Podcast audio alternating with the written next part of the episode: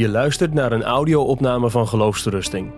De video die bij deze opname hoort kun je vinden op onze website. Galaten 5, waar Paulus tegen de uh, christenen in Galaten, jonge gelovigen, uh, zegt: Sta dan in de vrijheid waarmee Christus u heeft vrijgemaakt en word niet opnieuw met een juk van dienstbaarheid uh, bevangen. Um, het thema vanavond, ben je vrij?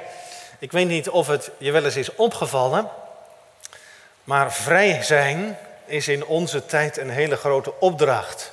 Je moet maar eens even opletten als je aan iemand vraagt, of als je tegen iemand zegt, uh, volgende week ben ik vrij, dan moet je eens opletten wat de eerste vraag is die mensen vervolgens aan je stellen. En zeggen ze, en wat ga je doen? Dat is heel raar. Je zegt dat je vrij bent, maar de eerste vraag is: wat ga je doen? En ik denk dat dat ons beeld is van vrijheid. Of in ieder geval een belangrijk deel daarvan. Vrijheid betekent het dat je uh, iets anders kunt gaan doen. Nou, vanavond gaat het ook over vrijheid. Gaat het over die vraag in het licht van het geestelijk leven. Ben je een vrij mens voor God? En ik zeg dat nu alvast. Dan komt heel snel die vraag boven, ja, en wat ga je nu doen?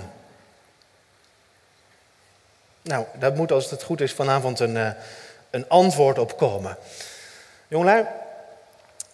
De apostel Paulus die omschrijft het christelijke leven op een manier die ons denk ik verbaast. Want als ik om me heen hoor, dan denk ik dat heel veel mensen het idee hebben dat christelijk leven toch vooral maar een heel benepen bedoelingje is. Een heel krap zittend systeem van wetjes en regels waaraan alle logica ontbreekt. En om van een beetje schön nog maar te zwijgen. Ik denk dat weinigen van ons bij het christelijke leven als eerste denken aan vrijheid. Dat is het beeld wat mensen buiten de kerk van ons hebben, maar dat is ook het beeld. Nou ja, laat ik dat vandaag maar vragen. Hoe zouden die mensen buiten daar nou aan komen? Aan het beeld van een christen als iemand die gebonden is. Ik denk dat het antwoord heel eenvoudig is. Dat is wat heel veel christenen uitstralen.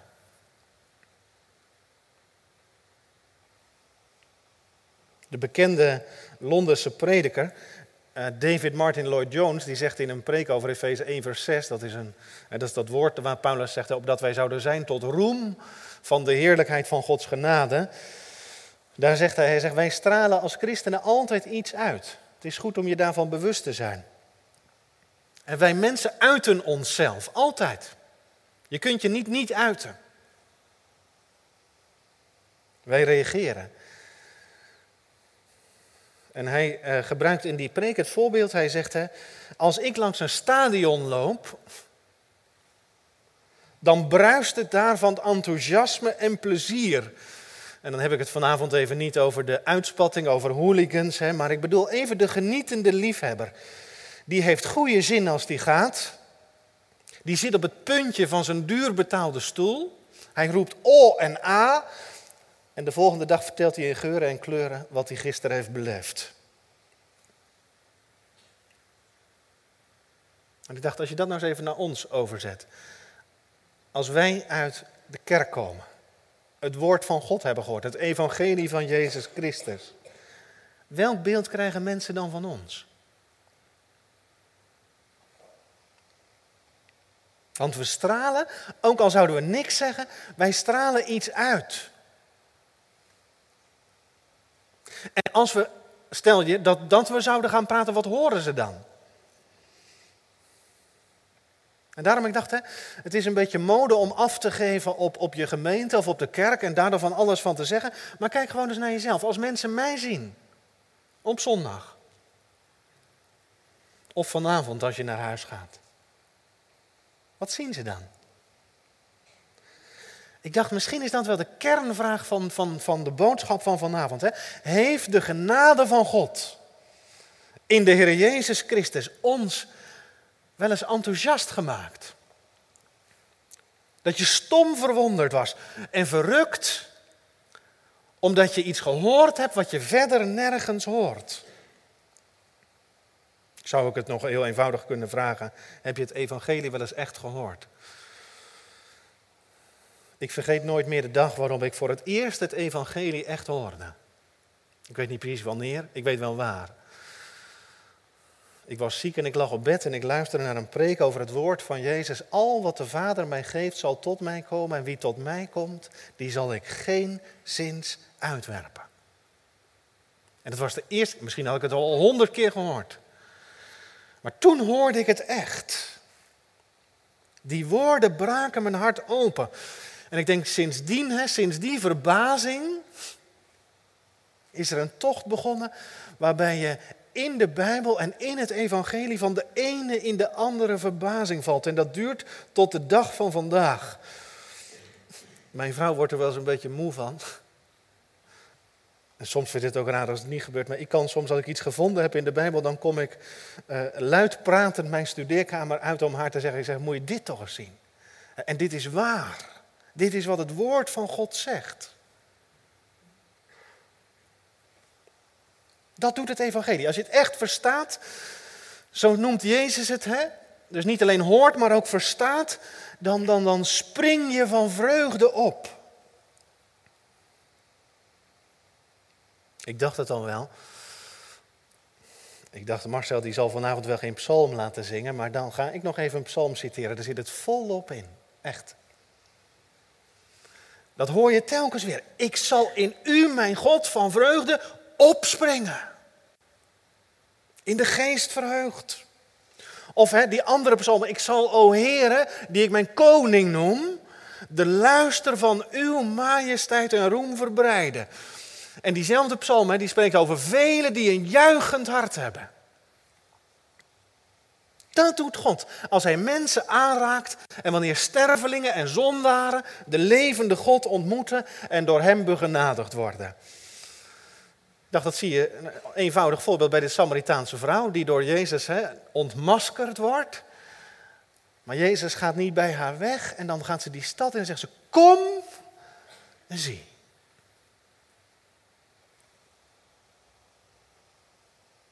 Vrije mensen zijn dat.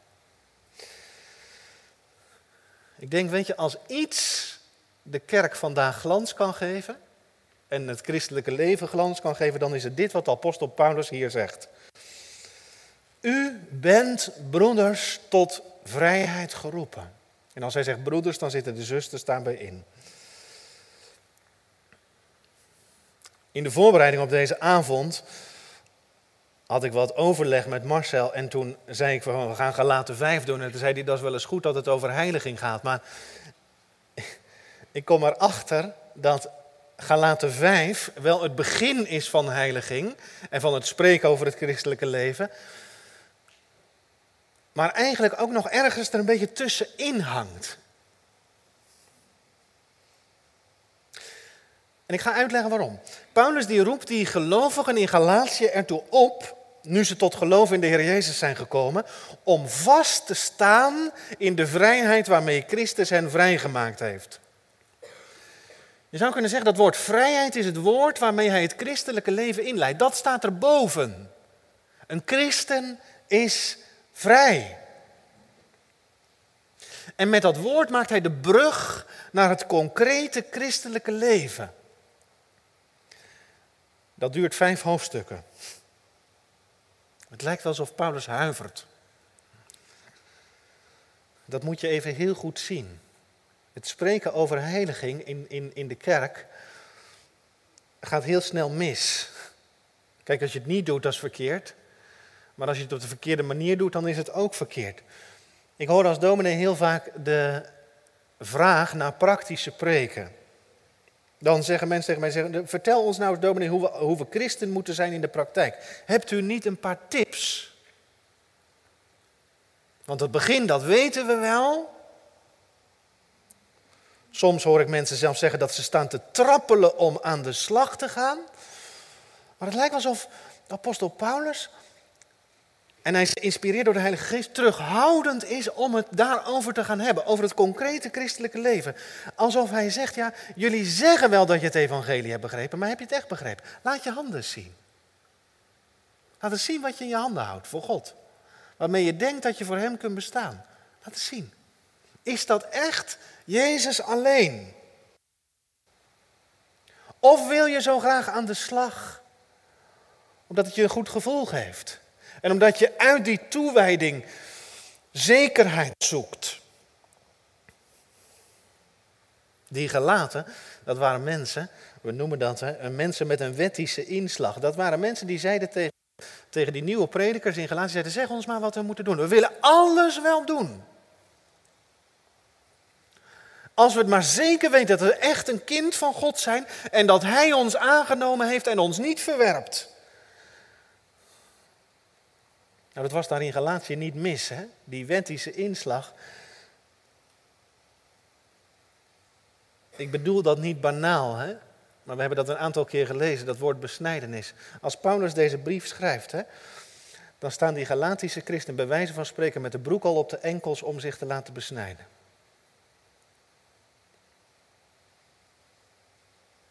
Maar dan grijpt de Heilige Geest in. Ja, maar dan zie je het even voor je. Dan grijpt de Heilige Geest in en klimt Paulus in de pen.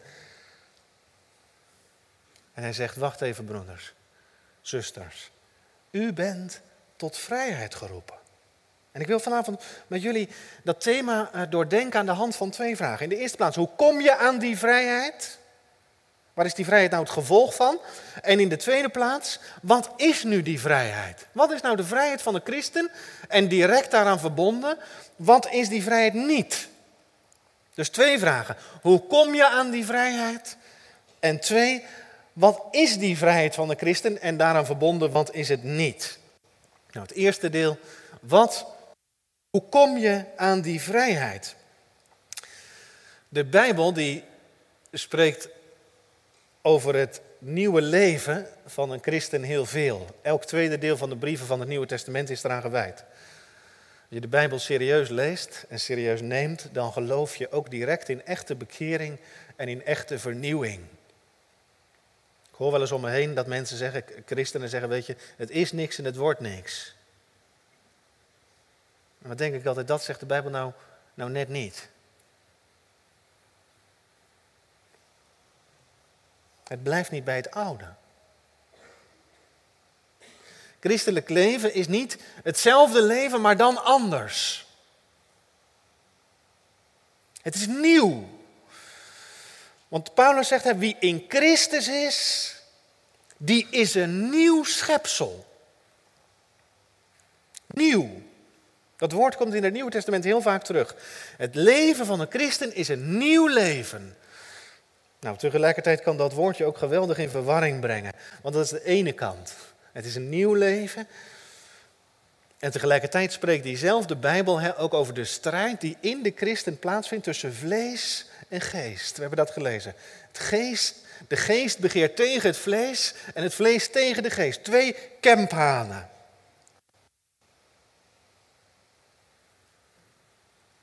In mijn geest is het vernieuwd. Maar ik ben nog steeds een, een mens van vlees. Mijn denken is veranderd, hè?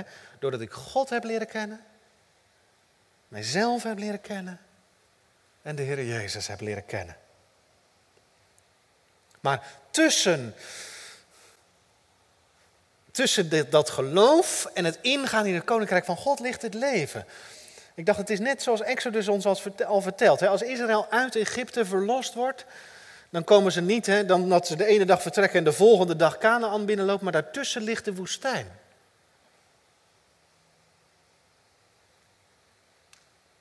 En toch zegt apostel Paulus, jullie zijn vrij. Christus heeft jullie vrijgemaakt. Als je het letterlijk vertaalt, dan staat er eigenlijk, Paulus zegt, voor deze vrijheid heeft Christus ons vrijgekocht. Welke vrijheid bedoelt hij? Nou, Heel eenvoudig. Kijk, ik weet niet of je een Bijbel bij je hebt, anders dan moet je maar even openleggen. En anders mag je ook gewoon meeluisteren, lees ik het je voor. De Heilige Geest leert een christen in deze brief wie ze in Christus zijn. En ik stip een paar gedachten even aan. En dan begin ik in hoofdstuk 2, vers 16. Waar de apostel Paulus die bekende woorden spreekt. Hij zegt, wij weten dat een mens niet gerechtvaardigd wordt door de werken van de wet, maar door het geloof in de Heer Jezus Christus. 2,16.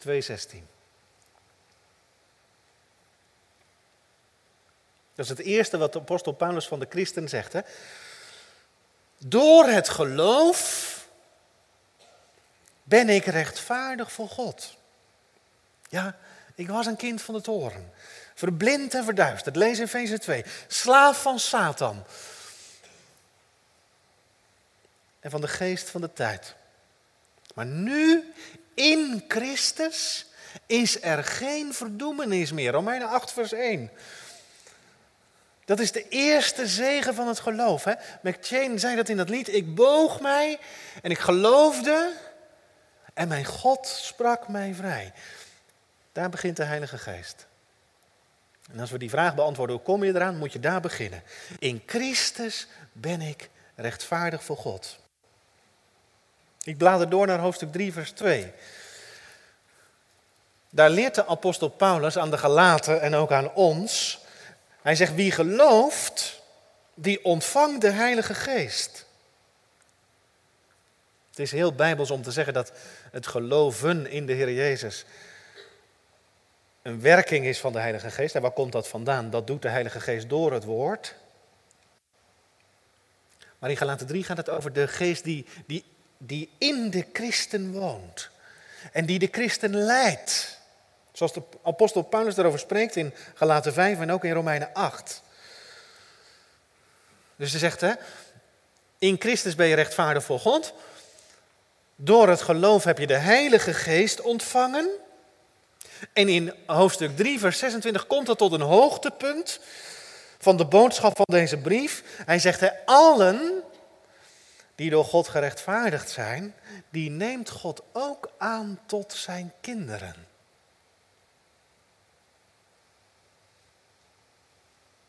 Dat is, het spreek, dat is voor het spreken over heiliging en over het nieuwe leven een sleutelbegrip.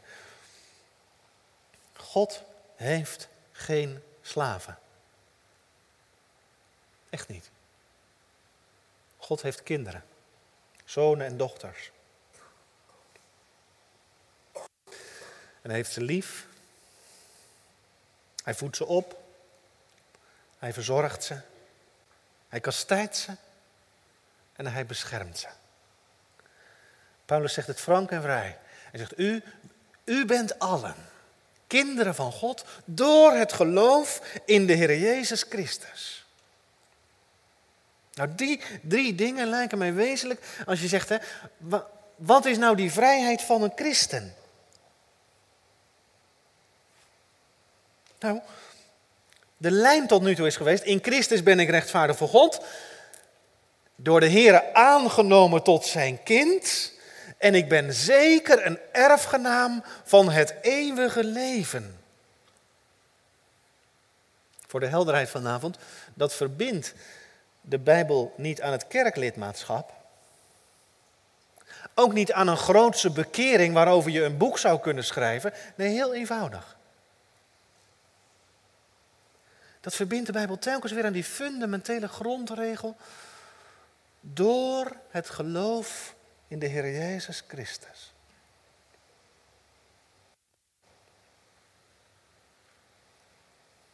Waar dat geloof is,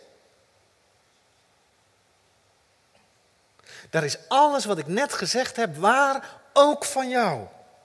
Dat is wie je in Christus bent. Rechtvaardig voor God. De Heilige Geest ontvangen. Aangenomen tot een kind van God. Dat is je positie, je geestelijke staat.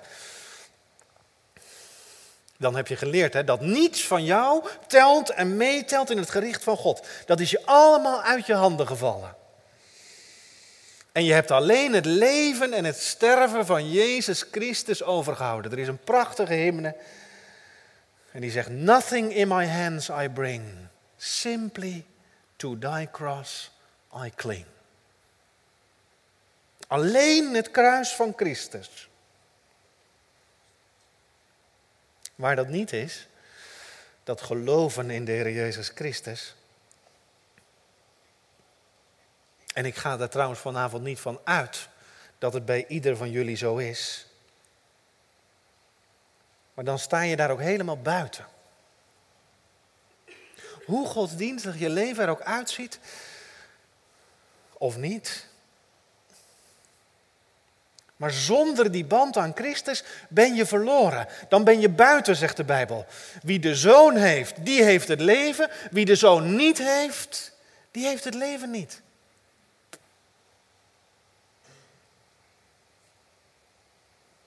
Ik heb vandaag over jullie na zitten denken.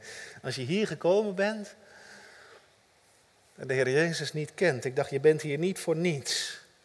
En ik hoop dat ergens op de bodem van je hart die vraag ligt: en wat moet ik doen om behouden te worden? Hoe kom ik er dan aan? Misschien heb je het wel eens gehoord, maar bij Spurgeon kwam eens een vrouw met haar nood. Voor de zoveelste keer en die zei: Zou u voor mij willen bidden? Nou, dan verwacht je dat je dominee dat doet, hè? En toen zei Spurgeon, die zei, nee, dat wil ik niet.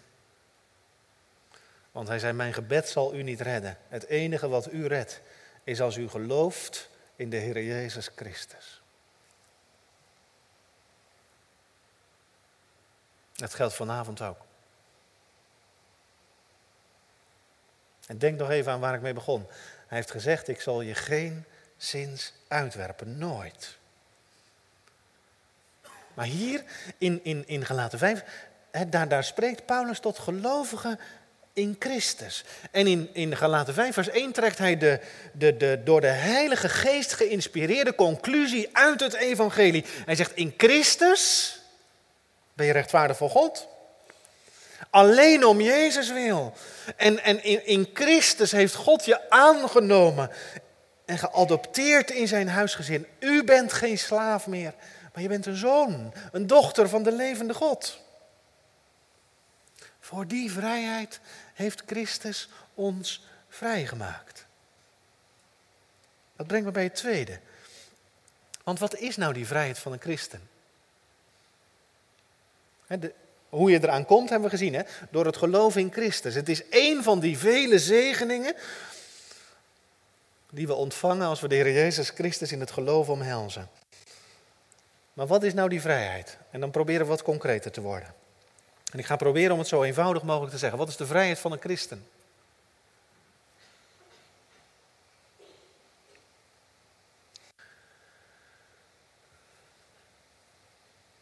Dit.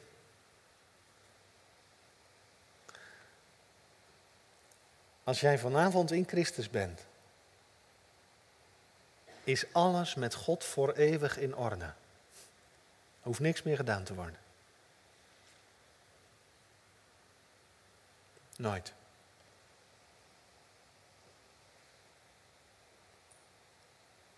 Geloof je in de Heer Jezus Christus? Je zonden zijn je vergeven. Omwille van de naam van Christus. Christus heeft je vrijgekocht. Galaten 3 vers 13. En hij is jouw gehoorzaamheid. Tegen de Colossense gaat apostel Paulus zelf zo ver, ik weet niet of je die tekst ooit gelezen hebt, maar hij zegt, in hem zijn jullie volmaakt.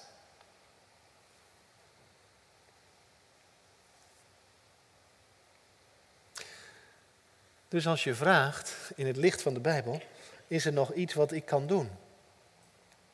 Dan zegt de Bijbel nee. Nee. Alles is gedaan. Je bent vrij. Wie Christus heeft, die heeft genoeg. En ik vraag het je vanavond op de man af.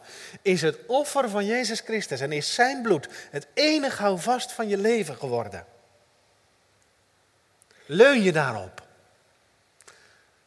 Geloof je in Hem? Weet je dat God gezegd heeft: Ik zal hun zonden nimmer meer gedenken. Nooit meer. En de vrijheid van een christen is hè, dat je jezelf een verknoeier noemt en een niksnut. En dat je het misschien wel meezegt, hè, het is niks en het wordt niks. Een goddeloze en een onverbeterlijke zondaar. Ik weet dat allemaal wel. Maar weet je, je hebt nou een God in Christus die zulke klaplopers als jij en ik zijn. Begroet. En die tegen anderen zegt, deze mijn zoon. Die zich niet voor ons schaamt. Hij was verloren, maar hij is gevonden. Weet je wat de vrijheid van een christen is? Dat ik mij de hel heb waard gemaakt. Echt. En ik hoop dat je het weet. Ik heb mij de hel waard gemaakt. Maar ik word met Christus in de hemel gezet. Efeze 2.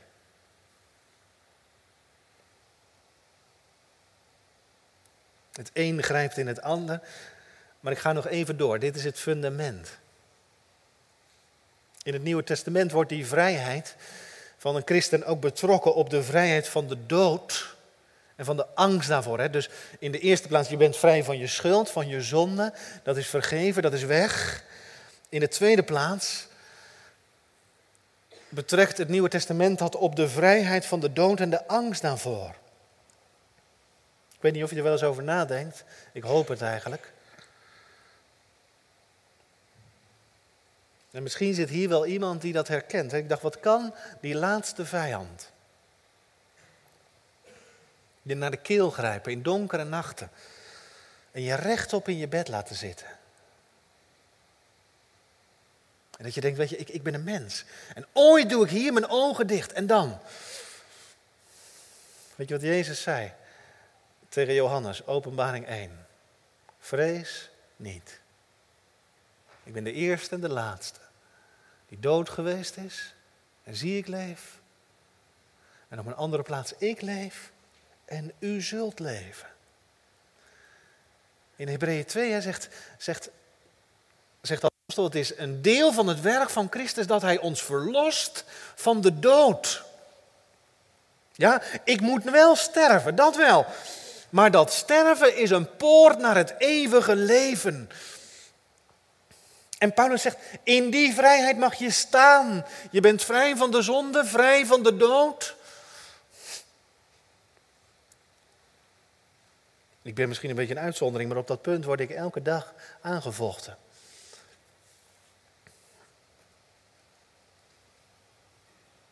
Satan wil me terug hebben in oude angst, in gebondenheid, in vrees. Maar als ik dit lees, sta in de vrijheid, dan weet ik het hoeven niet meer. Mijn Heer Jezus staat garant voor de overtocht naar het land van Emmanuel. Ik moet altijd denken aan een oude schipper uit mijn vorige gemeente, die terminaal ziek was. We gingen op bezoek, mijn vrouw en ik. En hij ging rechtop in zijn bed zitten. Wij dachten, nou zullen we wel iemand in zak en as aantreffen. Maar hij zat rechtop in zijn bed en hij zei, dominee, nou komt het allermooiste. En de overtocht is betaald. Ik dacht, dat is vrijheid. Dat is vrijheid. En die dingen, die dingen die klinken je misschien vanavond bekend in de oren. Christus verlost ons van de zonde, van de dood, van de duivel. Mag ik er één ding bij noemen nog? Je zou het haast vergeten. Ik ben ook bang dat heel veel christenen dat ook echt vergeten. Maar het zit ook in dit hoofdstuk. Vrijheid in Christus is ook de bevrijding van jezelf. Dat zit ook in de brief aan de Galaten. Paulus zegt, ik leef niet meer, maar Christus leeft in mij. Ik ben met Christus gekruisigd. En we lazen dat net ook, hè? die van Christus zijn, die hebben het vlees met zijn begeerlijkheden gekruisigd.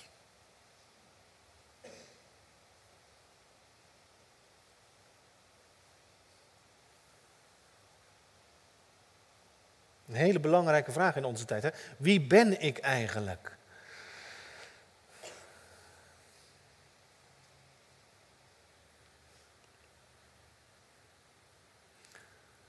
Als je het aan mij zou vragen, dan zou ik zeggen: Ik ben van Christus.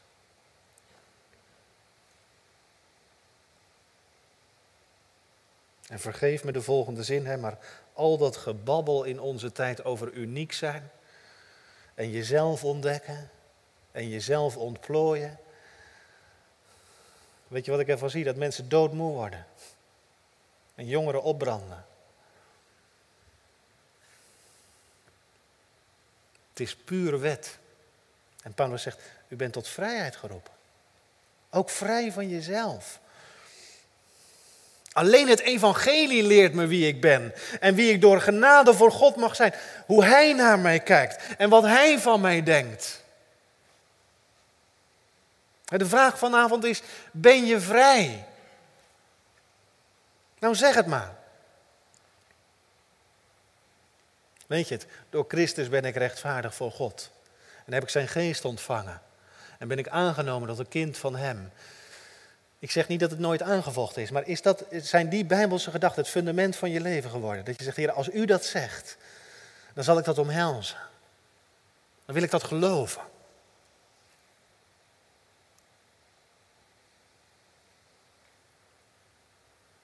Ken je die vrijheid hè? vanuit de prediking van het evangelie?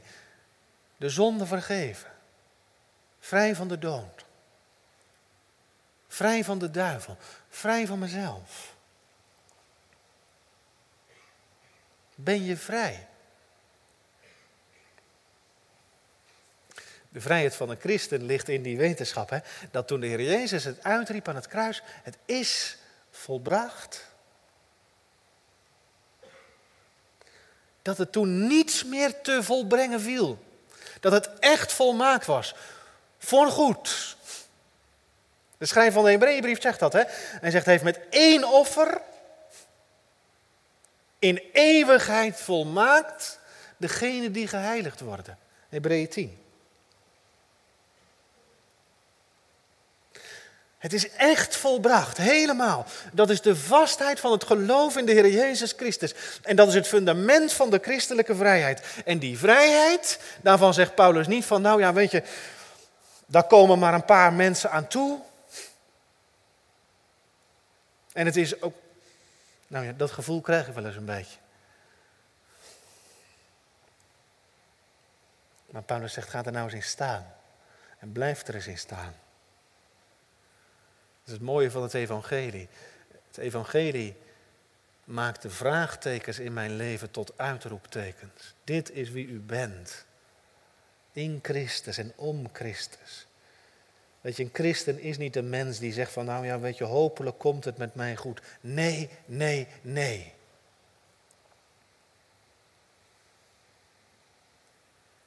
Christen is iemand die weet om Christus wil is het goed.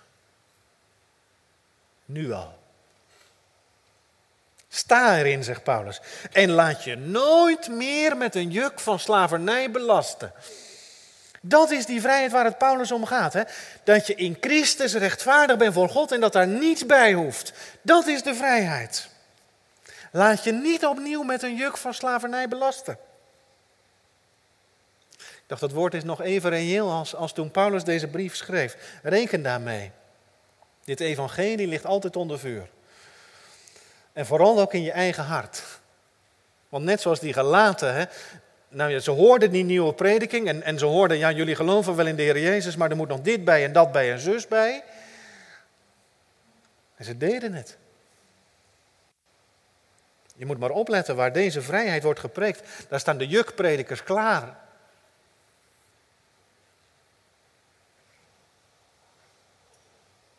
En die zijn er bij de vleet.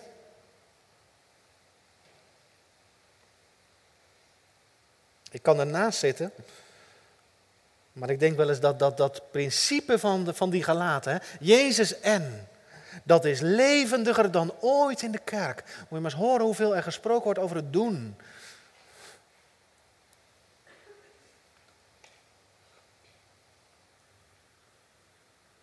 En hoeveel mensen gaan protesteren als je dit zegt? Dat een christen een vrij mens is. Maar toch, in het evangelie wordt het waar. Wat Paulus tegen de Corinthiërs zegt. Hij zegt, de Heere nu is de geest. En waar de geest van de Heere is, al daar is vrijheid. Dat is ook best een spannend punt. Dat geef ik vanavond eerlijk toe. Maar dit is het fundament. Hier, begint, beginnen de gedachten van de apostel over een nieuw christelijk leven. Een toegewijd leven. Een heilig leven. Je bent vrij. En ik zei, dat is best een spannend punt. Want let er even op dat Paulus dan ook direct stuurt. Hè?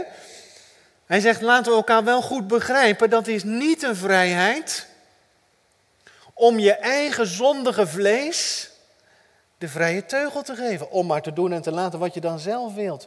En daarom sta ik hier vanavond ook wel met wat schroom. Ik, zag jullie net zitten, toen dacht ik, het is eigenlijk ook een hele verantwoordelijkheid om hier te spreken.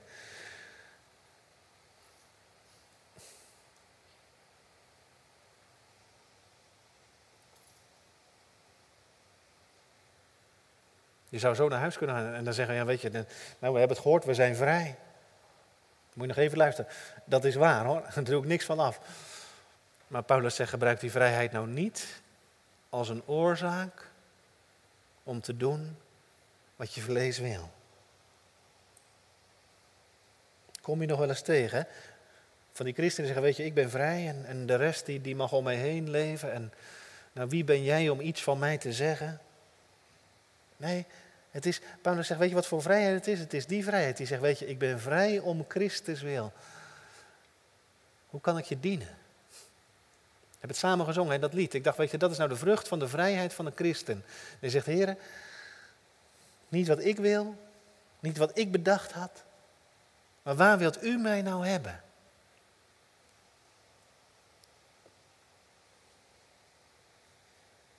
Het is, geen vleeselijke vrijheid om te zondigen. Zeker niet.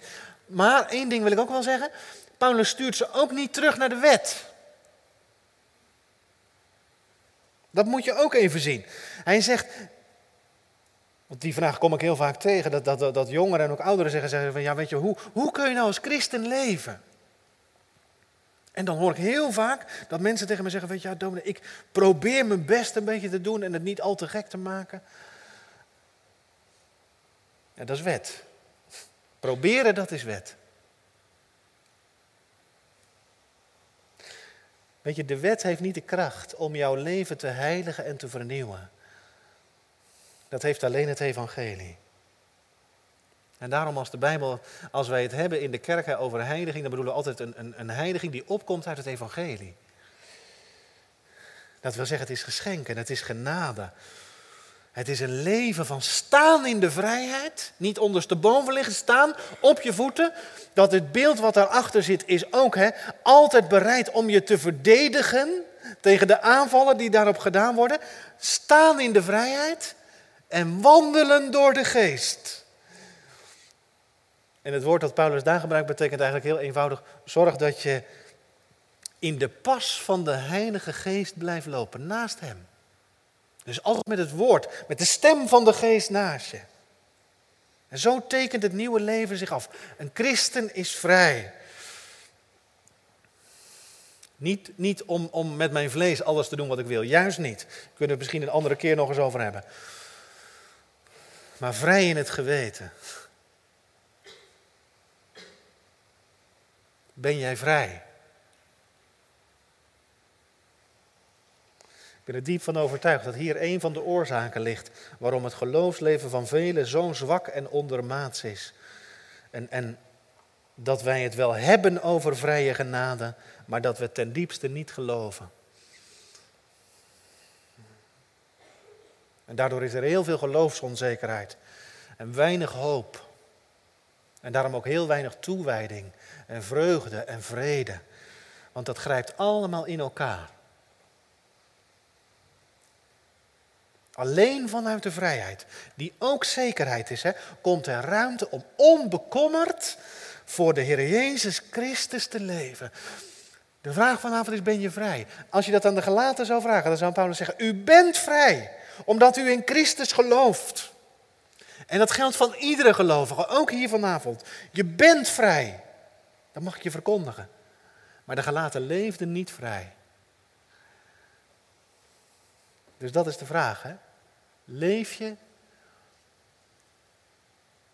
je stand uit?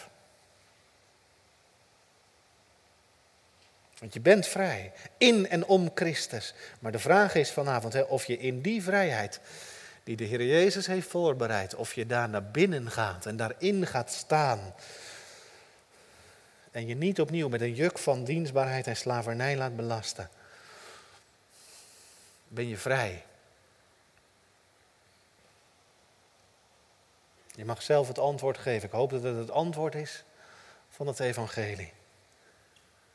En dat je zegt, dat is niet omdat ik het zeg, maar dat is omdat God het zo gezegd heeft. Om Jezus wil. Amen. Je luistert naar een podcast van Geloofsterusting. Wil je meer luisteren, lezen of bekijken? Steun dan ons werk en ga naar de website geloofsterusting.nl.